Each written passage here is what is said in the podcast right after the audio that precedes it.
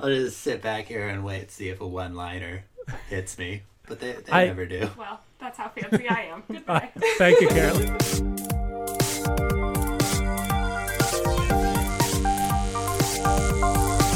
Well, I'm not a crook.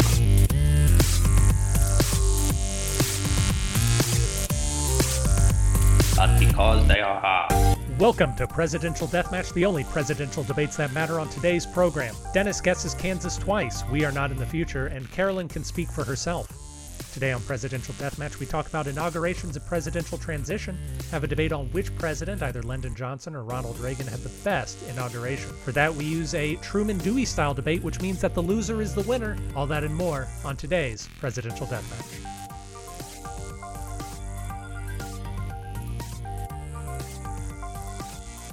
There's a section Yeah. where she, where she sings Toto's Africa with Troy and Abed.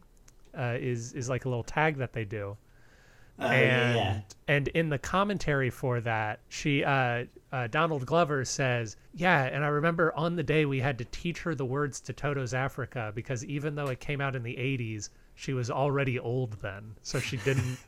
She wasn't listening to the popular music of the 80s. That's so funny.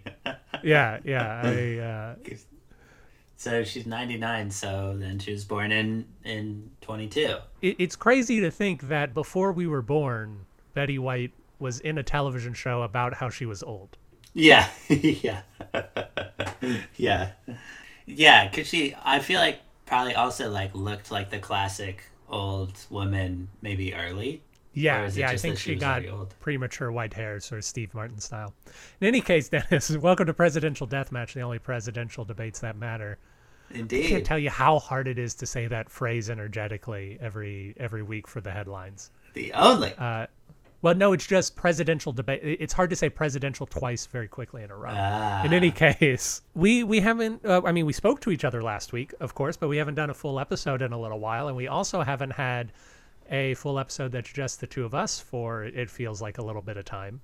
So it's, it's nice to kind of get comfortable. Today we're talking about inaugurations and uh, probably a little bit about presidential transition as well. A few weeks ago, Dennis and I, of course, talked about the interregnum, but we were really focused on what the American people felt during that time. And now we will be talking about what our, our government is doing during presidential transition and how that culminates in the inauguration. We are recording this on January 17th before Yes. the prospective inauguration of Joe Biden, but it will be released on the 21st after the inauguration of Joe Biden. And we really hope nothing happens. yeah. Really hope everything goes as planned and that there neither sickness nor violence is visited upon either Washington, D.C. or any other state capital because there seems to be some murmurings of uh, seditious activity. Indeed, yes, there's been plenty of action here in a state where I don't know what anyone would be upset about. In any case, we're not a politics podcast, we're a history podcast. What we mean to say is this will be released after the world knows what happened on January 20th, and we really hope what happens on January 20th is Joe Biden puts his hand on a Bible and says some words, and then the government moves on with its life. Indeed. And and presumably next week we will talk about the events of the inauguration, uh, be they boring or not boring.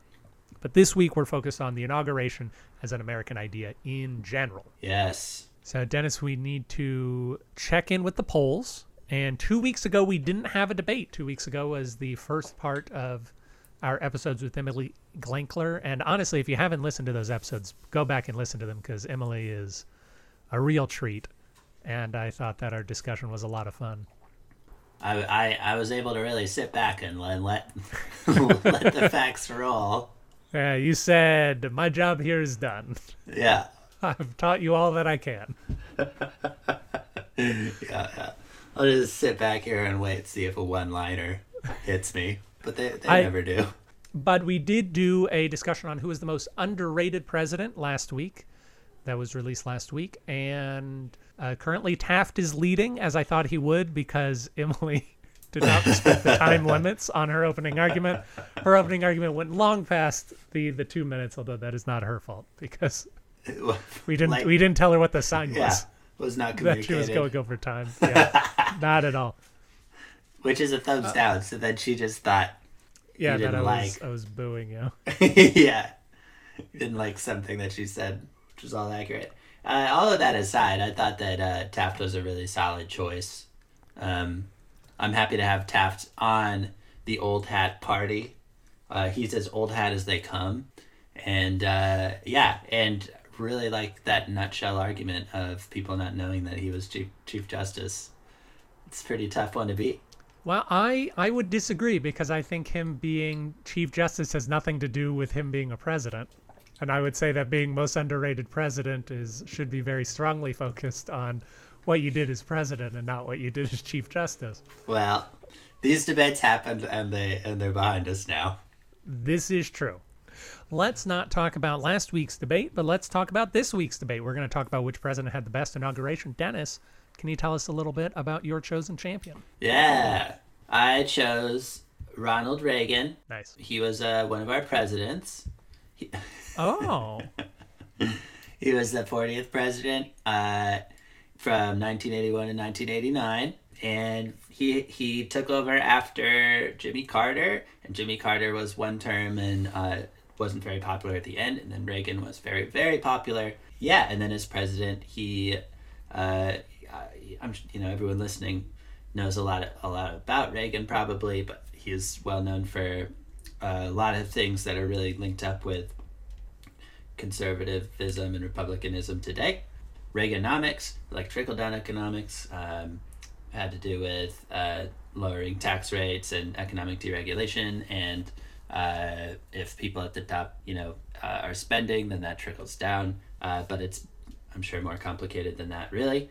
And yeah, balancing the budget, that whole thing, and then also just a lot of uh, foreign policy stuff with the Cold War that was uh, really important for the time. And uh, yeah, it was one funny thing that I realized, Aaron, that had never occurred to me before. I feel like it's going to Yeah. sound really obvious, but like Okay. Republican conservative ideals are often like thought of as into the today version of those having a lot of root in Reagan and even Nixon, and they're both from California. Whereas the Democrats, like that became really the stance with LBJ, who's from Texas, and it just feels Yeah. so backwards.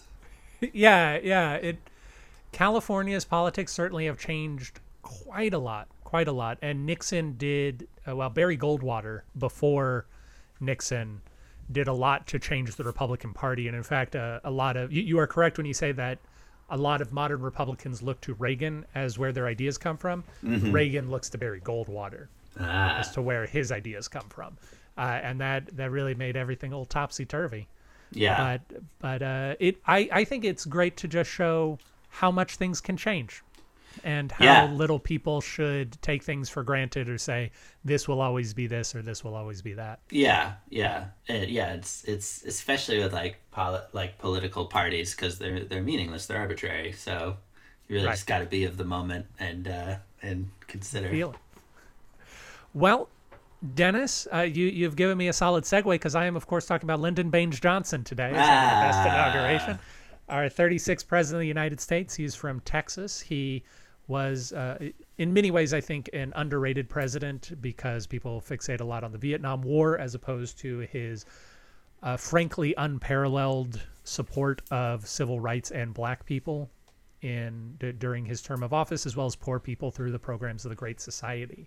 Lyndon Johnson was Senate Majority Leader before he was president, and he was exceedingly good at getting the legislation he wanted passed through Congress while he was president. And so he, he got a lot of stuff done. He, of course, ascended to the presidency upon the death of John Kennedy, and he was elected in his own right a little more than a year later in the election of 1964, where he beat Barry Goldwater, who I just mentioned uh, a moment ago.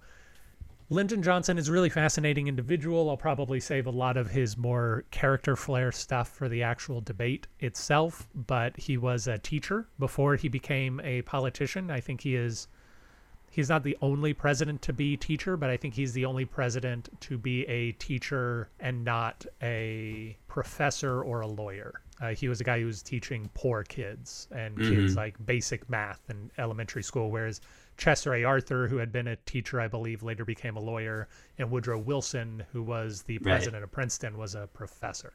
So I, I think that also gets lost. I, I just love Lyndon Johnson. I think he's a fascinating character in American history. I was just gonna say, you know where I was uh, yesterday? I was in Johnson City. Uh, Johnson City. Ah. Johnson City. I need to go back out to Johnson City. They had their brewery there had a beer named as one of the best beers of 2020. Oh, really? Yeah, this is the only brewery from Texas that got on the list. I forget what brewery and I forget what beer, but a brewery in Johnson City got best. Let's go into retractions. All right. So, Dennis, I have actually quite a lot to talk about in retractions this week. Do you have, before we jump into it, do you have anything from last week? I don't know from uh, last week, but I might have something really brief to say, uh, which is that my mom wanted me to retract my joke where I said that Lincoln's New Year's resolution was going to be to see a play. Okay. She felt that that was a bad taste. so I retract that. All right. I I will accept that retraction and I will I suppose I can't get too upset because I, I did not retract a joke that I said was in bad taste last week. I just put in a note to say this joke is now in bad taste, but I am not taking it out of the program. yeah, I think my mom thought it was hilarious mostly, uh, she but she didn't think it was hilarious when we uh, made a lot of jokes about her being older than your mom. I, I think we just Nancy, it's a fact. You're older than my mom. It's okay. like it's all right. You don't have to be upset about it. So after last week's discussion, or the last two weeks' discussion, I think one of the biggest things to consider is how would the two men who we talked about, Alvin Felzenberg and Ivan Eland, how would they rate the Trump presidency? What would be your instinct based on uh, Felzenberg and Eland's other ideas about how they would rate Trump? Right. Yeah. So, because at the end of the day, the breakdown was kind of that one of them was a lot more looking at the person. Um, Right. Is maybe one of the things, and then also looking at the person as being a libertarian was kind of well not not looking at a, a person but he um he was saying we should focus on what they did in the presidency not what they did outside of the presidency and also we should focus on did they do the job of a president or did they make up a lot of stuff that they were allowed to do and expand the powers of the presidency right. And this was that was Elsenberg, right? uh no that was Eland Eland. Eland So- carving rushmore since since Trump didn't do the job the whole time, I feel like he probably gets some points because he didn't like do anything to like make it more influential. Although, on the other hand, he did in some really big ways because of the Twitter stuff and because he just said it was okay and didn't have any repercussions for lots of stuff.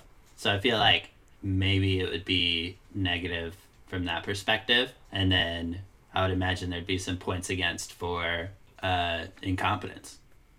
Um, but then, yeah, and then I think, yeah, but uh, I guess like then, as as we've talked about, I think on the one hand the economy is in a terrible place, but like, I guess one could argue that with any conservative policy like this, there's like potentially going to be long term benefits on a large scale economic stock market situation because the market has kind of been unaffected. So you could get points for, but I would think that they would be maybe not in balance with the points against on other economic factors. Um, and then, yeah, I mean, and then inciting violence and insurrection, I think would be points against. But I don't know if either of them addressed that. Uh, yeah, I I think that you are wrong. I, I I will just I will softly say I think you are wrong, um, and I will try and support my argument. Not not in a mean way, but just in an interesting way. Number one, I would say that uh, Trump's economic policy hasn't been particularly conservative. So even if you thought that a conservative economic policy pays dividends down the road, Trump's hasn't been. But I'm going to start with Felzenberg. So the way Felzenberg did his ratings is he had six categories character vision competence, economy, uh, economic performance, national security, and uh, liberty, preserving liberty. And he ranked every president on a scale from one to five, and then he averaged them. So I think that Trump gets a one in the character score. I don't believe there is any way that Felzenberg would give him anything higher than a one. He gave Lyndon Johnson a one, and I don't think that there is anything that Lyndon Johnson did that Trump hasn't done much worse as far as crudeness, etc. So Trump What gets about a Andrew one. Johnson? Did he give Andrew Johnson a one? I believe he did give Andrew Johnson a one. Vision. Vision is an interesting one because vision is about can you communicate a vision of America? And I think Trump did to an extent, but he was very light on details and he ended up being very contradictory in how he went about it. So I would give Trump a two for vision. I think that there's an argument that a three should be given or an argument that a one should be given, but I'm going to give him a two. Competency is did was he able to get his agenda passed? And the answer is no.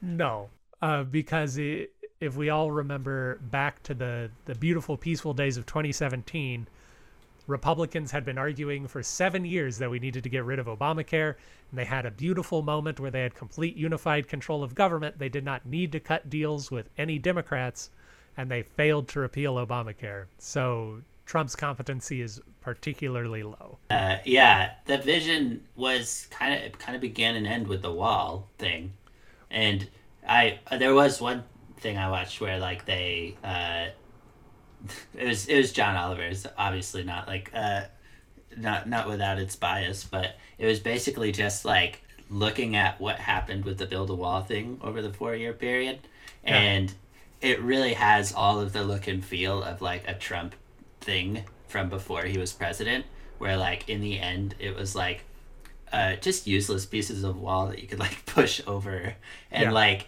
and the people involved, like the builders and stuff, were all just like macho guys that like didn't pay people, and the and it so it felt like oh this is all he did for four years was focus on building this wall, and it was like a total waste of money and absolutely completely incompetent. Yeah. But like as far as vision, I guess you could say vision wasn't expansive, but that narrow vision of build a wall was uh, was like something that it seemed like he was focused on. Competence zero, but the vision part. Well, he know. also in in terms of vision, he also sold this idea that the U.S. is getting bilked by the world, and that we need to step up and say we're we're the giants and we're going to make the rules. And and that was a vision that he proposed, but it also didn't really come to fruition. Again, that's why I would give him a two, even though I think a good argument could be made for either a three or a one. But Agreed. Yeah, I would give his competency a one. Economic performance is probably a three. So this is where there's a bit of an issue with Felzenberg's score because I, I did look through the economic chapter and he said the threes were for people who were generally average or people who had both great and bad economies, which just shows how useless this number is because it doesn't actually tell you anything about what people were feeling at the time Right. But because we were for and uh, Felzenberg is very focused on short-term economy stuff. So for the first several years of the Trump presidency, we were adding a lot of jobs. The market was doing well. We seemed to be doing okay. This last year was particularly bad. So I would give that a three or a two, but for the sake of being a little kind to the man, I'm going to give him a three. So he currently has a one, a two, a one, and a three his uh, national security, I think, has to be a one based on. I think it would have been a one even before January 6th, just because of Lafayette Square. Do you remember that incident last year where he had Yeah, national? Oh, that is where he had the, I believe it was the National Guard, tear gas and attack Oh, right, right. protesters so that he could take a picture outside of a church. Yeah, yeah, yeah. And on top Oh, of of that, he he promised bringing us out of wars, and he didn't. And then, of course, January 6th happened, and it's hard to say anything good about his national security following that. So that's a one. then his liberty, I think, also has to be a one because of his breaking of various constitutional norms. Felzenberg's a very normal kind of guy. So he is not going to take that well. And what that gives us is an average of or 1.5, which makes Trump better than the worst president, according to Felzenberg, which would be Buchanan. And I believe also better than Andrew Johnson and Franklin Pierce, but definitely in the bottom five of presidents. Interesting. I could see being, yeah, I could see. I mean, it's one of those things where, like, being in this moment, it's like you can't know, but I could see, like, points for being the presidents before the Civil War so well, like Andrew Johnson was after, but he was a huge mess in the same way. Yeah. So it's yeah, hopefully things are a little bit better in in these next coming years. And uh, if so, that's in a weird way that's still gonna like improve Trump's legacy and keep him above the like very bottom spot. Well, it could or it or it couldn't, depending on Yeah. how bad things get. But moving on to Eland, who we all agreed was a more interesting thinker, even if we didn't necessarily agree with uh, everything that he arrived at. So Eland, of course, rated people on peace, prosperity, and liberty. Was the economy prosperous? Did you foster peace? Did you extend liberty? And another big thing about Eland is that he very much considers the long tail effects of anything that is happening, which means that it is impossible to say where Trump would end up in his mind because we need to wait another 10, 15, 16 years to see how what he did affected the rest of the world.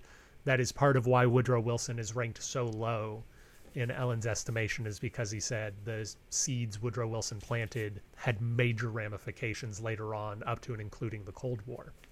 But with that said, yeah, yeah, it's it's a very interesting. The the chapter on Woodrow Wilson is very big and very interesting. But uh, what I would say, as far as a peace score is concerned, again, it would be essentially a zero or a one, because Eland E- Eland has weird things because he will, for instance, he he condemns Grover Cleveland's use of American soldiers in order to put down the Pullman car riots in the 1880s, and he says this is uh-huh. something that Grover Cleveland didn't need to do. This is Grover Cleveland escalating a situation and not letting it resolve itself. But Grover Cleveland was still the number two president. So oh, interesting. yeah, so so Eland will criticize people for something, but it's unclear as to exactly how it affects the ranking. However, Eland is also very big on did something need to happen. For instance, in one chapter he says Thomas Jefferson unnecessarily used the US Navy to protect trade ships as they were going back and forth between Europe. That was costly to America and we didn't need to do it. Although there were pirates, he said that we should let the companies assume the risk of dealing with those pirates instead of having the government and uh, citizens' taxes protect private companies.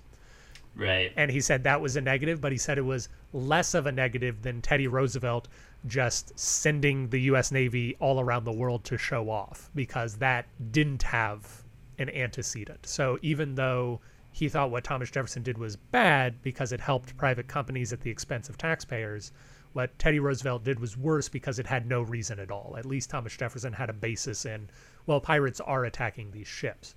So with Grover Cleveland, he sends the army in to put down the Pullman car riots. The Pullman car riots were happening. Something did need to be done. Just according to Eland, that wasn't the right move. Whereas I think that what happened on January 6th, as well as, again, the Lafayette Square, is Trump doing things that are unnecessary against the citizens. And I believe that Eland would have a very dim view of that.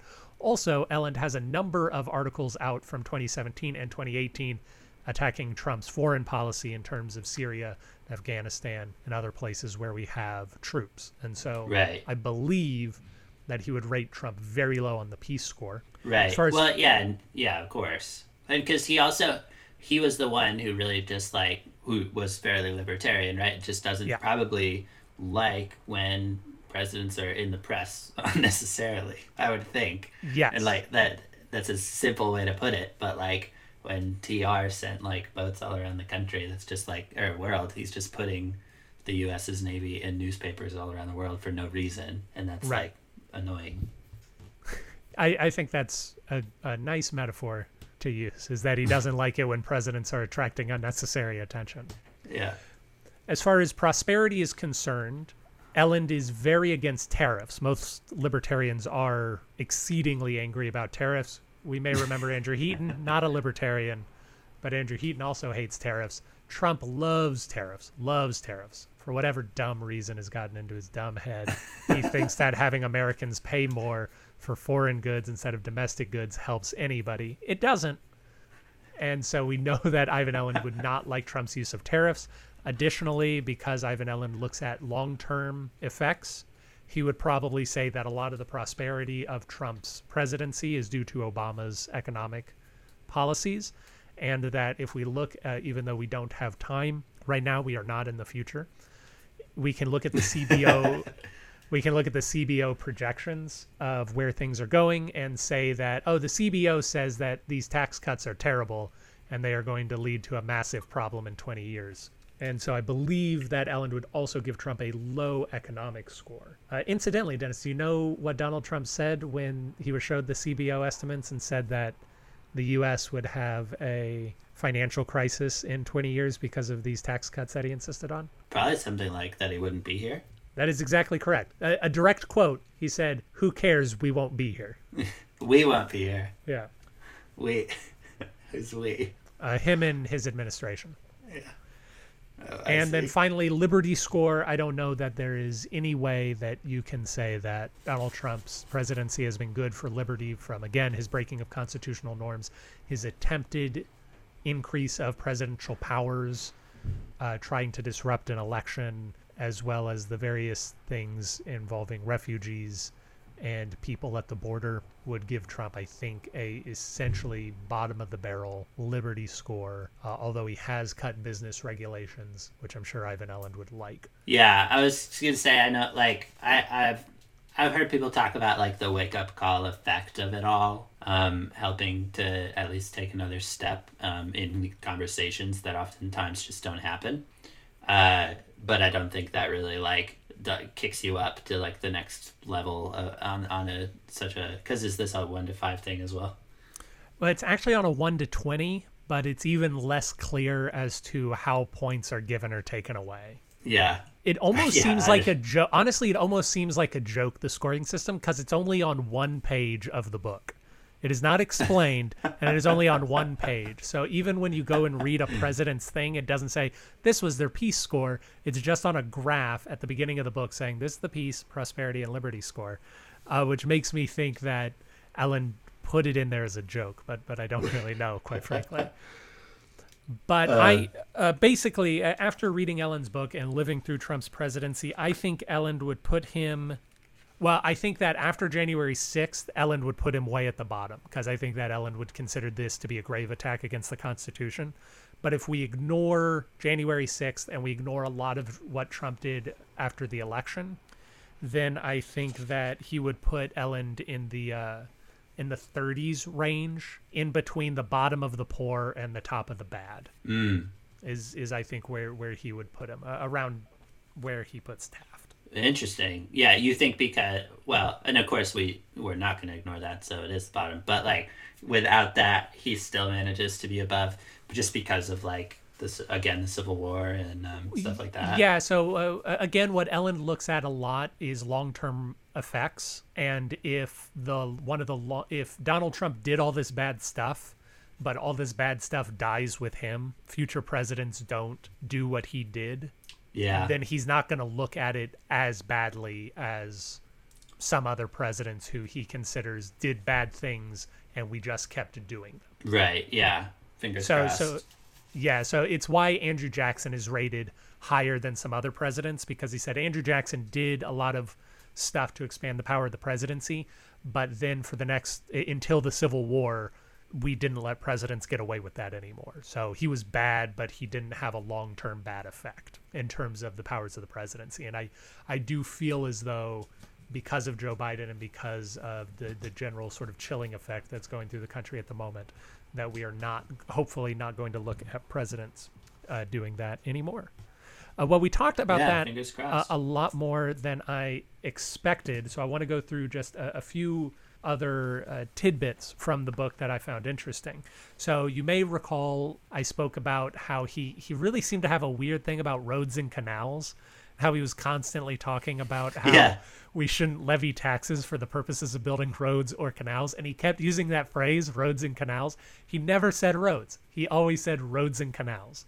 Roads and canals everywhere in the book. Roads and canals. Incidentally, he didn't say anything about the interstate highway system in Dwight Eisenhower's chapter. I went and double checked. It's very weird. And I That's feel like. I feel like he likes the interstate highway and just couldn't come up with a way to justify it, so he just ignored that it existed. Is that that is my guess. And then he was like, "Oh no, people are going to see all the times I mentioned roads and be like, why didn't he talk about that in Eisenhower?" So he just find replaced with roads and canals. He was And like, that'll, canals. that'll throw Yeah. him off the scent. Yeah, now they won't know. But I wanted to explain his argument behind that because I didn't in, in last week's episode. So what he says is is that when you create a road, if the government creates and maintains a road that connects two places, by and large, the people who are going to use that road the most are companies that are transporting goods. A single citizen like you or I might use it every so often, but a company is Uh-huh. going to be using that road every single day to move its goods Right. around. In which case, if the government is supporting the maintenance of that road and the main business of that road or that canal is the transportation of private goods for sale in a marketplace, then he argues that what the government is largely doing is subsidizing transportation costs for private companies through the maintenance of roads, of public roads. And that companies, if left to their own devices, would build roads themselves or cut a deal with the government to build a road on government property so that they could transport things easier. I, I, it's it's an interesting uh, point of view. Yes. I don't. Yeah, I, yeah. I feel like I don't know that much about this about anything, but I feel like I would have an an argument to make there. But yeah i i would i would disagree for the same reason i like i would disagree with ivan Eland for the same reason i would probably disagree with people who say that we shouldn't have public libraries and just say i i get that these resources might be able to be used by people who don't necessarily need them but providing these resources for the people who do need them is sufficient cause to provide them but but yeah, that, yeah. that is his reasoning and i do think it's interesting and he goes into a deeper version of the argument when he talks about railroad expansion in the late 1800s but i won't get into that now presidential deathmatch regrets the errors And there you go. so dennis inauguration season is upon us Indeed. yesterday joe biden was again fingers crossed inaugurated as president of the united states i don't think anything's going to happen but he was inaugurated as president of the united states and this is let me double check my I'm 50 50. I think usually when we know something's going to happen, we're pretty good about preventing it. Yeah. So I'm sure somebody's going to try something, but people try things all the time. This is going to be our 59th presidential inauguration as a country. Pretty And crazy. yeah, and inaugurations have changed a lot over the years. Yeah. In fact, I looked up the. Uh, I tried to find info about the first ever uh, Democratic elections, which uh, were in Sparta Yeah. in uh, approximately 754 BC. And it was, uh, yeah, it was interesting because they were like, yeah, where anyone could be elected uh, and anyone could vote. But then the more they were talking about it, it was like, it was only people who were who were men who were not like in this who were not slaves. Right. And Sparta at the time was like mostly slaves, so they were constantly stressed that there that there was going to be a revolution because they were like vastly outnumbered.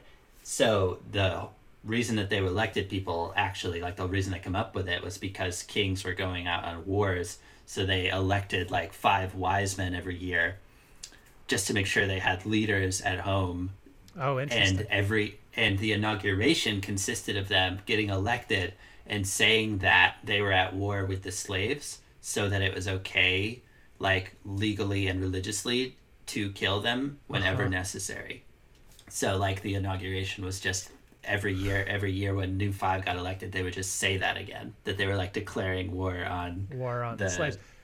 It's yeah. remarkable how little we've changed. this weird one Yeah. But that was the first like record of uh, people getting elected for something like with ballot box. Yeah, so so the Constitution, like so many things, is very kind of quiet on what an inauguration is. All it has to do is a person who is capable of witnessing an event, so someone who is a public official or a notary public, needs to administer the oath before the term begins to a person, and there's a few sentences. I affirm that I will do my best to uphold the laws of the Constitution of the United States of America, something like that. It's a very short call and repeat sentence. And that's all that we need to do from a constitutional point of view at inauguration. And uh, of course, we had something similar like that happen with Calvin Coolidge, who ascended to the presidency while he was visiting his dad in Vermont because Warren Harding died and Calvin Coolidge was just Right. visiting his parents in Vermont. But Calvin Coolidge's dad was a judge, so Calvin Coolidge's dad just swore him in. At, Really? Yeah, at his dad's house.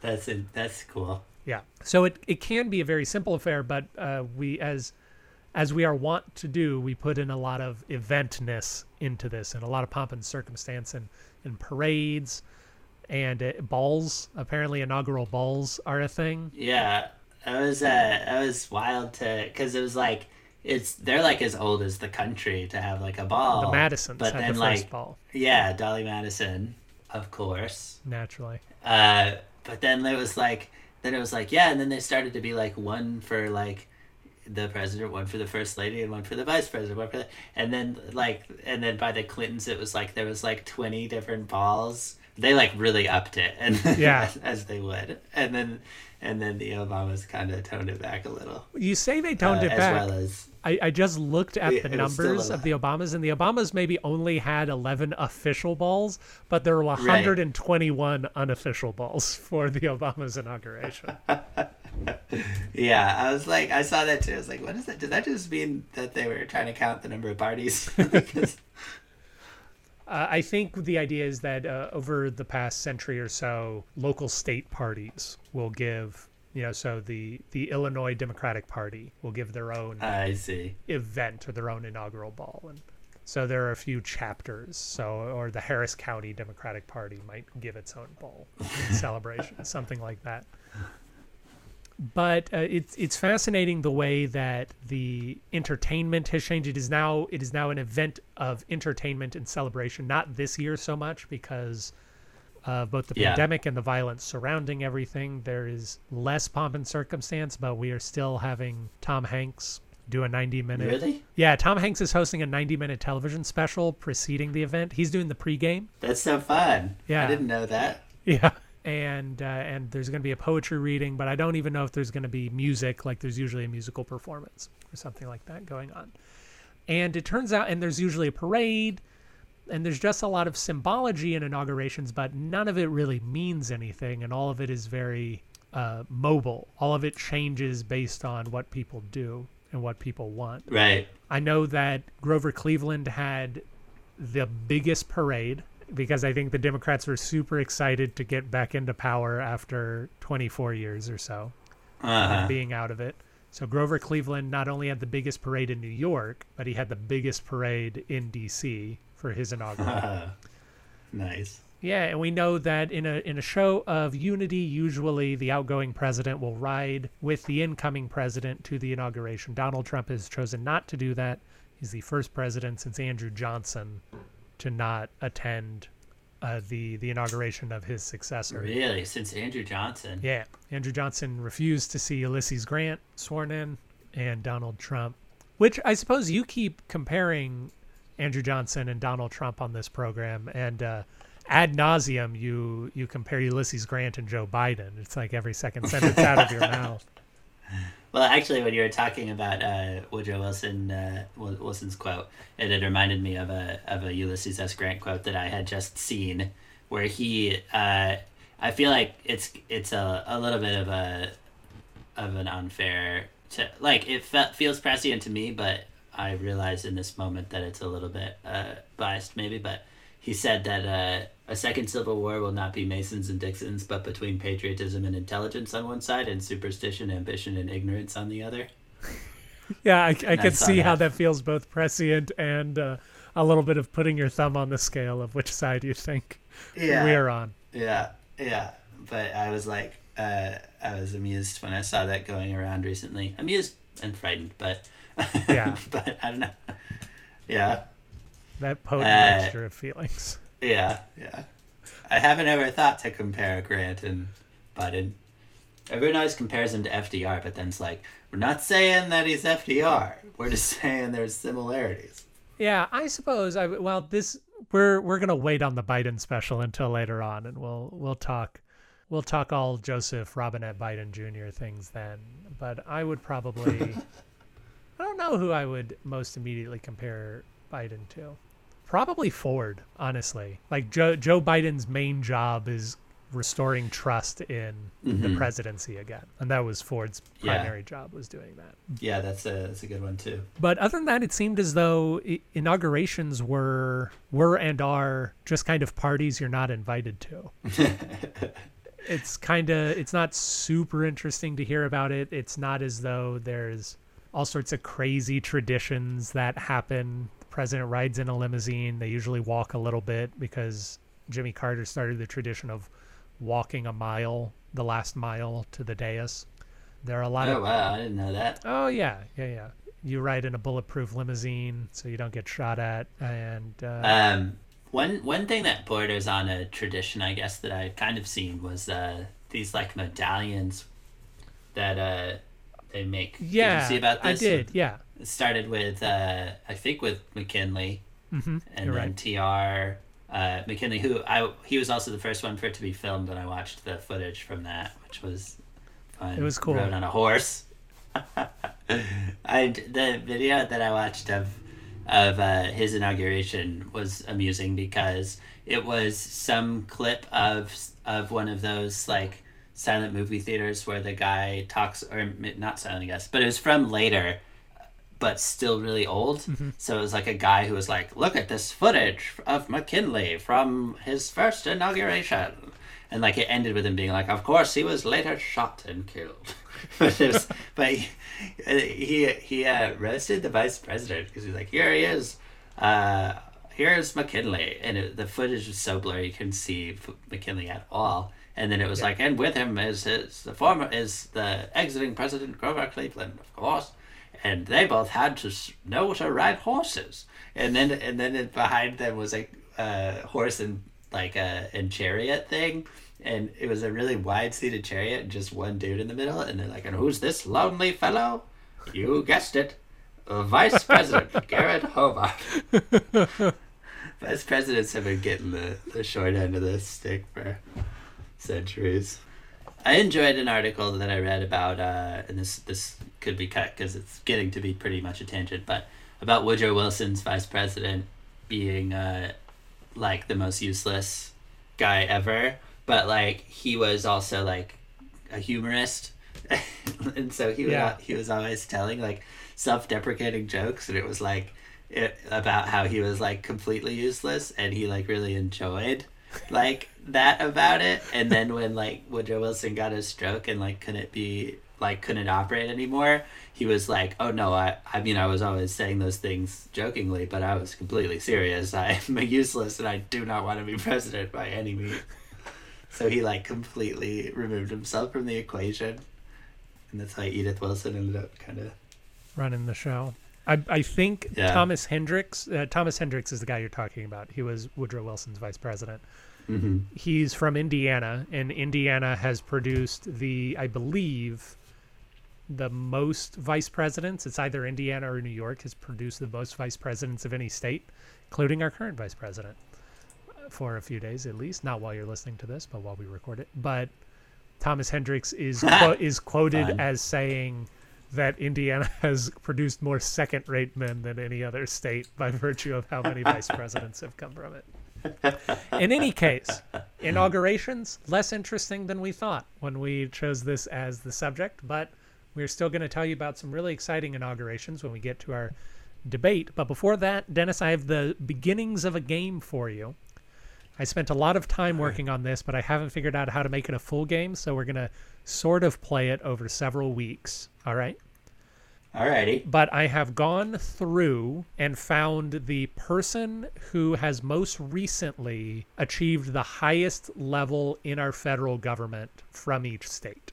So one the the thing that prompted this is Joe Biden is about to be president and he will of course be Delaware's first president and since Delaware was the first state to ratify the Constitution, Joe Biden is ending the longest dry streak of any state before having a president. And so, Delaware's getting a promotion indeed. So, for instance, 19 states have produced a president of the United States. And Wow, so, and so for the highest person, I would have chosen the most recent president from that state. An additional seven states have produced a vice president from a state that wasn't represented by the presidency.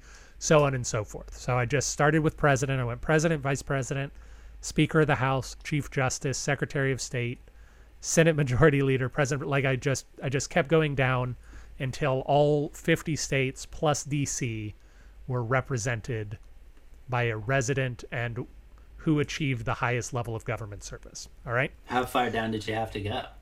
So I, I, had to go down to the petty officer. no, I had to go down to the eighth level of succession, Okay. which is the Secretary of the Interior. Secretary of the Interior. F there were four states that are on that level, where the highest rank uh, of these. Four. yeah, four. So these Four who have Harry and Meghan status. Yeah, these are not these are states that haven't produced a president, vice president, speaker of the House, chief justice, Senate majority leader, president pro tempore, secretary of state, attorney general, secretary of the treasury, secretary of defense, or a uh, the secretary of the navy. All right, so quite low. And your job is to figure out which four states are on the lowest rung of producing high achieving people in our federal government. I was going to say, I will give you, if you would like, three questions about the geography of these states to help you kind of zoom in on a portion. Alrighty. I was gonna say I would think that maybe our our non-continental states would be among them. Okay, is that a question? So is Yeah. uh, no, all four states are continental. Oh my gosh. Well then, well that's helpful then. Yeah. Let's see. Okay, so a, another good geography question would potentially be, um, are they states that have coasts? Do do do two, three, or four of them not have coasts? You you can ask uh, the question however you want, and I will I, I will give you a useful answer. Uh, I'll say that. Okay. So just in terms of do these states have coasts? Let me tr- Like on the sea. right now I, I understand. No, none of them are coastal states. All right. So I feel like that was a good question then. That's Yeah. informative. Um, All are landlocked states. all our landlocked states. I'm thinking that we got to have one or two in like the southwest. You are correct. One is in the southwest. Well, it depends. Sorry, sorry. I'm gonna amend that. It depends on what you count as the southwest. There is at least one state in what I would call the southwest. Okay. Well, that's informative. Yeah, because I'm definitely feeling like, because especially because they're newer parts of the country too. So like, Right. like, um, yeah, like, like, in Wyoming, just like no one's there, and Montana, and uh, but Montana's so big, I would think that at some point the Dakotas and are there any that are east of the Mississippi? No, there are none that are east of the Mississippi. Okay. And in fact, I will give you, uh, I will double up on that for you and say that all of the states are west of the easternmost part of Texas. West of the easternmost part of Texas. Yeah. Um, cool. All right, so I'll throw I'll throw out uh, I'll throw out um, Wyoming as my first guess. You would be incorrect. Wyoming produced a vice president in the person of Dick Ah. Cheney. He's from Wyoming. He is from Wyoming. Oh man. Okay, Nevada. Nevada produced a Senate Majority Leader of Harry Reid during the presidency of George W. Bush. Harry Reid was the Senate Majority Leader. Okay. Well, so then, uh, because I'm thinking if you were not sure if it was the Southwest, then it's got to be Colorado then. You're correct. Colorado is one of the states. Colorado, the current Secretary of the Interior, David Bernhardt, is a resident of Colorado. Nice. Yeah. I feel good about about Nebraska and Oklahoma. I feel like they would have turned some people up at some point. Um, so I'm gonna I'm gonna leave those out for now. But what about like North Dakota? You are correct. North Dakota, the highest. North right. Dakota was the hardest one to find. North Dakota last produced a Secretary of the Interior in 1975 to 1977, Thomas Kleppe, Thomas Kleppe, a Secretary of the Interior. Secretary of the Interior. All right, two down. Two down. Idaho. Absolutely. Well done, sir. The Secretary of the Interior under George W. Bush, Dirk Kempthorne, 2006 to 2009, highest level of government from Idaho. I will give you a hint for the last one. This person is not yet confirmed. This is the person that Joe Biden has nominated to be Secretary of the Interior, and I assumed that this person will be confirmed sometime in the next three or four weeks. So this is actually the the bottommost state because the other ones already had secretaries of the interior, Yes. and this one hasn't. This one has not yet had a Secretary of the Interior. Wow. the bottommost state. And uh, I will say, for my logic for Idaho was basically I was thinking that Montana is just too big, but Idaho's like littler, but also in a part of the state like that. That is true. So, um, well, is it is it Oklahoma? It is not Oklahoma. Oklahoma produced a Speaker of the House in the 70s, Carl Albert. Well, is it is it Nebraska then? It's not Nebraska. Nebraska produced feel- a Secretary of State, William Jennings Bryan, 1911 Ah, that fellow. Yeah, that guy. Man, so then I was I should have stuck with my gut. Yeah, no, you were and I right. said it wasn't either of those. You are correct. It wasn't either of those. You're very what's close, though, geographically, geographically close to Oklahoma. Um, Arkansas, Oh, No. uh, Bill Clinton. Clinton, uh, Kansas, Kentucky, Kansas. No, no, because isn't um because Kentucky's where that that dude's from right now. Um, what's on top of Oklahoma? Kansas is on top of Oklahoma. Right, yeah, That's Dwight Eisenhower's state. It's not that one. Not, not that one. Pulling up a map, I feel like it's well. I don't feel good about Kansas though. No, you shouldn't, because I just told you it was wrong. Oh, oh, oh yeah. It's Dwight Eisenhower's Sorry, I thought you said I thought you said Kentucky. No, no. Missouri? No, there's someone's from Missouri. Harry Truman's from Missouri. Um, Truman. Yep. New Mexico? You are correct. New Mexico. The nominated Secretary of the Interior, Deb Haaland is from New Mexico, and she will be, if confirmed, the first Native American in our United States cabinet. Ah, right, right. Yeah. I it threw me for a loop because you were like, I don't consider it. I think I consider it to be Southwest. So then I did. I thought I- Colorado. I, I ruled out. Colorado was the one that I didn't. I would call Colorado just west. I would call Colorado a Mountain West state instead of a Southwest state. But then I didn't know if I just told you only one state was in the Southwest and you was, thought Colorado as a Southwest. New Mexico is. I've. I've. Uh, I did my state report on New Mexico in fifth grade. I've always. I've always, it's always been. I've always held it special. It's always been on a pedestal for me. I like New Mexico. My best friend lives in New Mexico, so I visited him in Albuquerque. And uh, of course, we've all gotten to know New Mexico well through Breaking Bad and Better Call Saul in recent years. hmm Dennis, what I went to the balloon fiesta. It's good stuff. It is indeed. But Dennis, we need to move on, and we are going to take a break. And when we come back, we're going to talk about presidential inaugurations. All right, and we're back. Dennis and I are going to have a debate over which president has the best presidential inauguration, either Lyndon Johnson or Ronald Wilson Reagan. I will go first after I take a delicious swig of water. What an epic uh, battle today. Yeah, it's an exciting battle. LBJ versus RWR. Rrr. And of course, the People's Party candidate. okay, so Indeed. Lyndon Johnson has been noted by presidential historian. Oh no, I've forgotten his name. Daniel O'Brien. Uh, he has been noted by Daniel O'Brien as perhaps the president, the only president who is just so aware of how cool being president is and uses a lot of the flash and enjoys the prestige of it more than anybody else.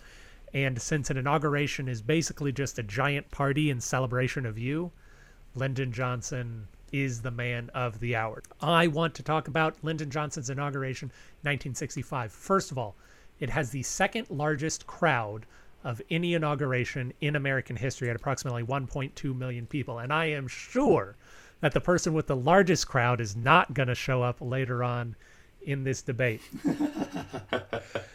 it starts uh, this inauguration starts the tradition of having the first lady hold the bible that the president is being sworn in on which is very exciting and uh, lyndon johnson in general is a very historic guy and a very tradition focused guy and so he gets sworn in on the same bible that he got sworn in as vice president on which i think is a nice little thing but what really sets this inauguration apart is the sheer amount of talent that performed in entertainment.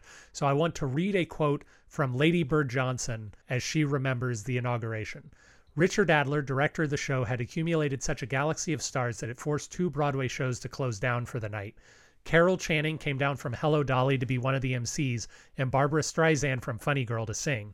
Dame Margot Fonteyn from England's Royal Ballet flew in from London with Rudolf Nureyev. Alfred Hitchcock turned out to be the lion of the evening, and Woody Allen, that forlorn, undernourished little comedian, stopped shooting a movie in Paris and flew across the Atlantic to tell jokes.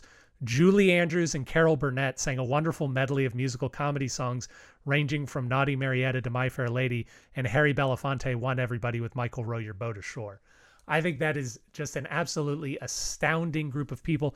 Also performing that Lady Bird Johnson didn't mention Nichols and May, which was an amazing comedy duo at the time, if you don't know it. Johnny Carson, who would later go on to host The Tonight Show, as well as singer Bobby Darin, most known for the song Splish Splash, I'm Taking a Bath. So it is just a force of young, amazing talent at this inauguration. Finally, and I think we are all excited about this, Lyndon Johnson is the first president since George Washington to dance at his own inaugural ball. He did the first dance with his wife, Lady Bird Johnson. Oh, nice. Yeah. How how what what size did you say uh, it was at the end of the day? The attendance. 1.2 million people. So I yeah I was wondering about that number. I was wondering where they got that number, and I was thinking about uh, like who LBJ is as a person, and and looking at estimates from more recent times, and thinking, is that exaggerated?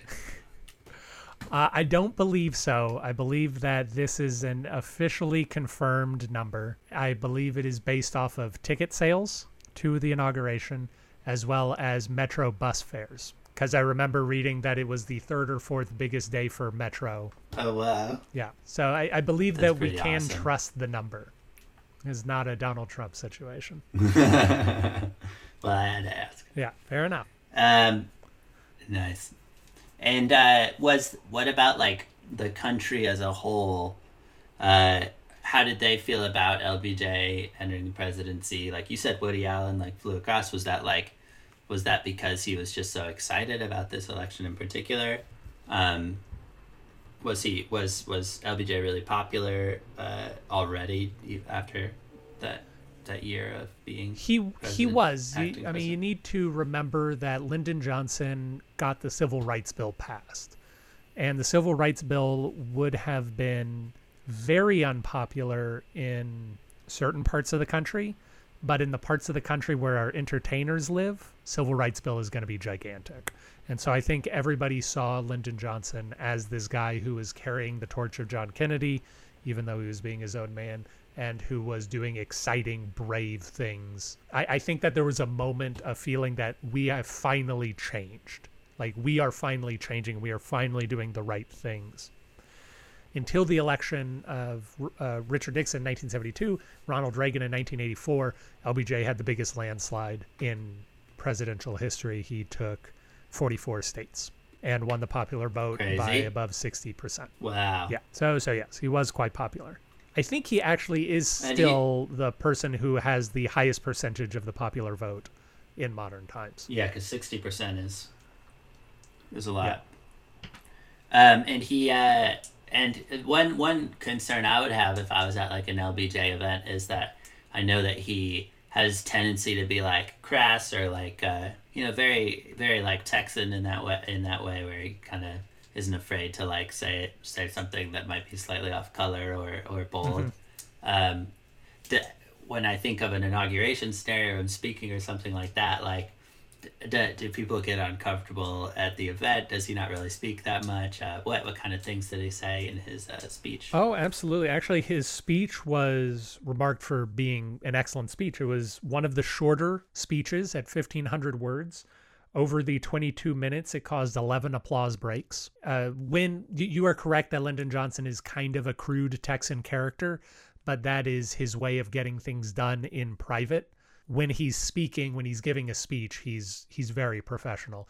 A improvised quote from the speech. He said that this wasn't written down, but when he looked out into the audience, he felt compelled to say, It is the excitement of becoming, always becoming, trying, probing, failing, resting, and trying again, always trying and always gaining. And I think that was one of the big applause breaks. Uh, again, the idea Nice. of America is is moving on and moving forward and getting better. It's finally getting better.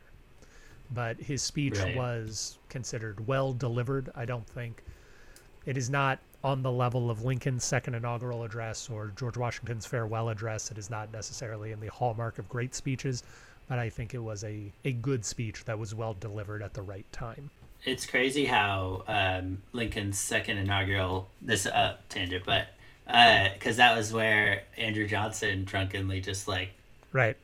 Addressed random people in the audience for like 10 minutes That is true. but then eh, lincoln really recovered it He's like, whew, He's thank, thanks a lot, Johnson. not not a good opener No, not at all. Uh, do you have any other questions, Dennis, or do we want to move on? i think yeah i think i got a good sense All right. So tell us about Reagan. Yeah. So Ronald Reagan, um, as you just mentioned, he, was elected um, in in a real landslide against uh, Jimmy Carter, and uh, people were really really excited about him because uh, a lot of crises economically and with, in terms of foreign policy had really kind of been coming to a, um, a head, and they really felt like they needed a change. He won forty four states, just like uh, you mentioned, LBJ did, and uh, he was the first one to move the uh, inauguration to the west side of the Capitol building, um, which was cool because then it meant that the mall could be used uh, for all of the overflow and for everyone to come and uh, and watch. So he uh, and that's to this day how it's done, so that you really have all that real estate to use. So um, it goes to show kind of how how they were expecting such crowds and everything as well, and that it was very popular in that way. And uh, he's of course a Hollywood guy, great speaker. Um, it was a really really long uh, address, like twenty five hundred words or something, um, but I think it was a good one, and he you know got the laughs here and there. He's always good at getting those those laughs, and of course this very demure fellow, uh, which uh, I think people are excited about as well. And um, the balls there was four of them, which I feel like is kind of the Goldilocks number of balls when I was looking through these. Some some presidents had like the one ball and then it ended up going up to like 20 and like we were talking about 132 if you count all the different ones with the Obamas. So I feel like four was a, a kind of a nice uh, balanced number there. And then the most important thing to mention really quickly is the Iran hostage crisis, uh, which was going on during Jimmy Carter's presidency, and um, by the like potentially even while he was speaking, um, the hostages were released. So uh, it just kind of like turned into this massive party where everyone was celebrating the hostages being released, but also they were celebrating Reagan's presidency, and it all represented it, everything else. And they lit up the Christmas tree and and everything, um, and the parties were enormous, and there was all kinds of paraphernalia, and uh, really it was a it's a pretty pretty big affair. Yeah, sounds like it. Do you know anything about the 1984 inauguration? Was it was it even bigger? Was it more exciting? Uh, no. Okay. I don't know. I don't know if you know that. If you already knew, it's there's a uh, catch catch one. But um, yeah, there was like a storm. So um, I think Taft had had a blizzard and had to have it inside, and then this was the sec- the only time since then that uh, so his second one was an indoor thing where with just some people, and then the next day they had a bigger party where thousands attended, um, and all that. And then with this this one too is kind of like the associated. It sounds like on the nineteenth, so right before the inauguration, uh, he actually there was a big gala on ABC that Reagan was a part of, and um, at this so in in nineteen eighty one, so his first one, and it was like like uh, Johnny Carson was the MC. And this uh, guy, who get, yeah, this guy gets Zelda around. Yeah, he gets around.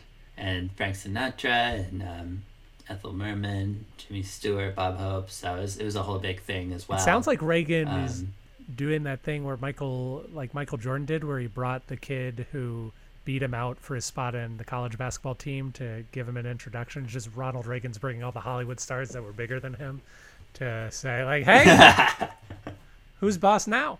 Yeah, yeah, yeah. And like, looking back at my notes slash this website, it sounds like Ray Charles was potentially at the events surrounding the 1985 one. So he kind of had these like televised galas. So even though that one was inside due to inclement weather, uh, still was still was some partying. Was there anything particularly notable that Reagan said in his speech, or that that anybody said in their speech? he had a joke where he said that kind of a joke. Is a grandpa kind of joke but he was a grandpa kind of guy. He was the oldest guy at the time to be president. Um, and i think still not not for the people listening but for us right now he's still the oldest one at an inauguration because it's second term. Yeah, Uh, until than yesterday. trump was. Yeah, until yesterday for you listeners. But yeah, he he said he made some remark about how like the first had in for the first inauguration, people came in horses and horse and carriage, and for this one they were coming via satellite. So we've come a long way. And yeah, as far as I think the actual uh, content of the speech, a lot of addressing the crises and uh, really wanting to pledge that um, we got through, you know, the Cold War and we figured out the crisis with Iran, which then it was immediately figured out, and um, and all the rest. So a lot, a lot of that kind of talk, what people wanted to be hearing. oh, wonderful. That there's things that are a little dark, but there's a lot of hope to be had. Which is also kind of what Johnson was saying in his inaugural, and that's always sort of a theme of inaugurals is the unbridled optimism of a future uh, of, of this future administration, which I, I believe is one of the things that struck people as so odd about Donald Trump's first inaugural speech. Not to bring it back around to that that man again, but if I'm not mistaken, George W. Bush listened to the vaguely militaristic inaugural address that Trump gave and said, again, quote, that was some weird shit. We don't usually like swearing on the podcast, but uh, that's a direct quote from a president.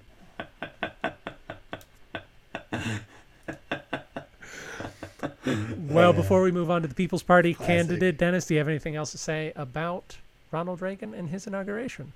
Um, I don't think so. I mean, I think you know he he knew how cool it was too.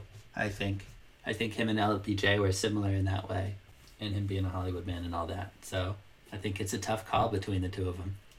Excellent. Well, the People's Party has randomly selected Barack Obama as as their person for the best inauguration, and it just so happens that we have a Barack Obama Ah, 2008 inauguration correspondent, Carolyn Cooper. Did someone say Obama? we just we just uh, we just drew Obama's name for the People's Party Oh my gosh, how Randomly. I exciting! For what topic? inaugurations. What a coincidence. Isn't we, it and though? we and I remembered you'd been there there. yeah, I got the opportunity to go to Obama's first inauguration in 2009, which was like super crazy. Yeah, If you ever get the chance to attend inauguration, like definitely would recommend. I mean, it was especially like for a Texan, it was far too cold. like it often is so pretty cold. Uh, but what can you tell us about the inauguration and the feeling of being there?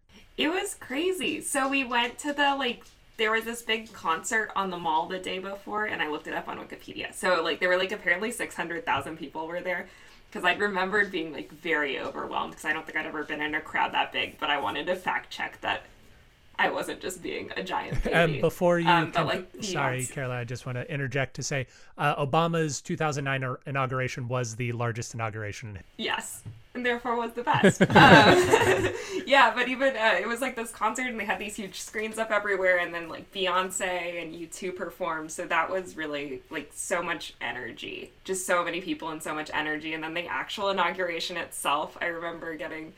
I mean, his speech was awesome, and I mean, he's such a good public speaker that like when Obama gives a speech and you're it, I mean, it's magical, but we also all know my political leanings. Um, and then Aretha Franklin sang, and I'm a big fan of her, and she had the most phenomenal hat. So if anybody has missed, she had this beautiful, like, big hat with this huge bow with crystals on it. So I would recommend looking that up if you if you if you don't remember at the moment. So I was very excited. Um, yeah, that, I mean, the music was incredible. And just I think I mean because Obama was so I mean obviously such a historical moment. There was such an energy of excitement. I'm sure there is with every inauguration but it definitely is one of the moments like from my childhood that stands out as being like oh I'm American and this is what we do and it's really cool. So it, it was cool Well, very cool. Thank you very much, Carolyn, for, for letting us peek in Nice. into that. how convenient goodbye Uh, Thank you. No problem.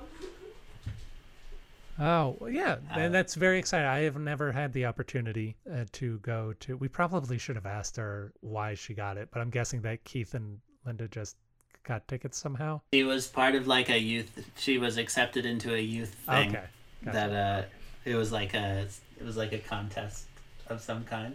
I can speak for myself. Okay. I was, you know how there are all those like silly youth leadership conferences that people get invited to when you're young? So I got invited to one of those. Aaron, Aaron, Aaron's homeschooled, so you know. Yeah, I was gonna say I grew up Aaron, in the middle. these, That like, you don't. weird- Uh, they don't give those opportunities to kids in the country. Those are usually for for city bound children.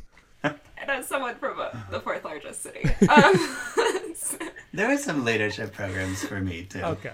In, in my sad public school, but but basically, like before the inauguration, they like sent an invitation to everybody who'd ever like gone to one of those and was still around the right age and was like, "Oh, we're doing one for the inauguration." And they sent them out all the time, but that one I was like, "Parents, like please, like Obama's getting inaugurated, like please let me go." Um, and they were very kind and accommodating and very generous. So thank you, parents. but yeah, so they threw us this silly like gala, I think in like the Air and Space Museum for the night, since we couldn't obviously go to like an act one of the actual dances. They like threw us one in a museum, which was really cool. So you were part of the magical. unofficial balls. one of the one yeah, of the 121 unofficial balls. balls. Yes, one of those. Well, that's how fancy I am. Goodbye. Thank you, Carolyn. All right. Well, that is fantastic. No matter whether you want to vote for Lyndon Johnson, Barack Obama, or Ronald Reagan, you can do so in the link below. And we'll be excited to hear your opinion. Of course, you can still vote on who's the most underrated president.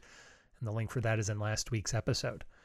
Dennis, next week, I'm very excited. We're going to invite Jessica Kelly Garrett back on to talk about the right to be forgotten and which president would most want his presidency forgotten. It will be, I hope, All an exciting time. It's uh good luck with this vote. I feel like if you threw these three out on a vote and like without any context, the results would be fascinating. So I'm curious to see. All right, sir. Well, and to to all you people out there in Radioland, I hope yesterday went okay. Yeah, fingers crossed.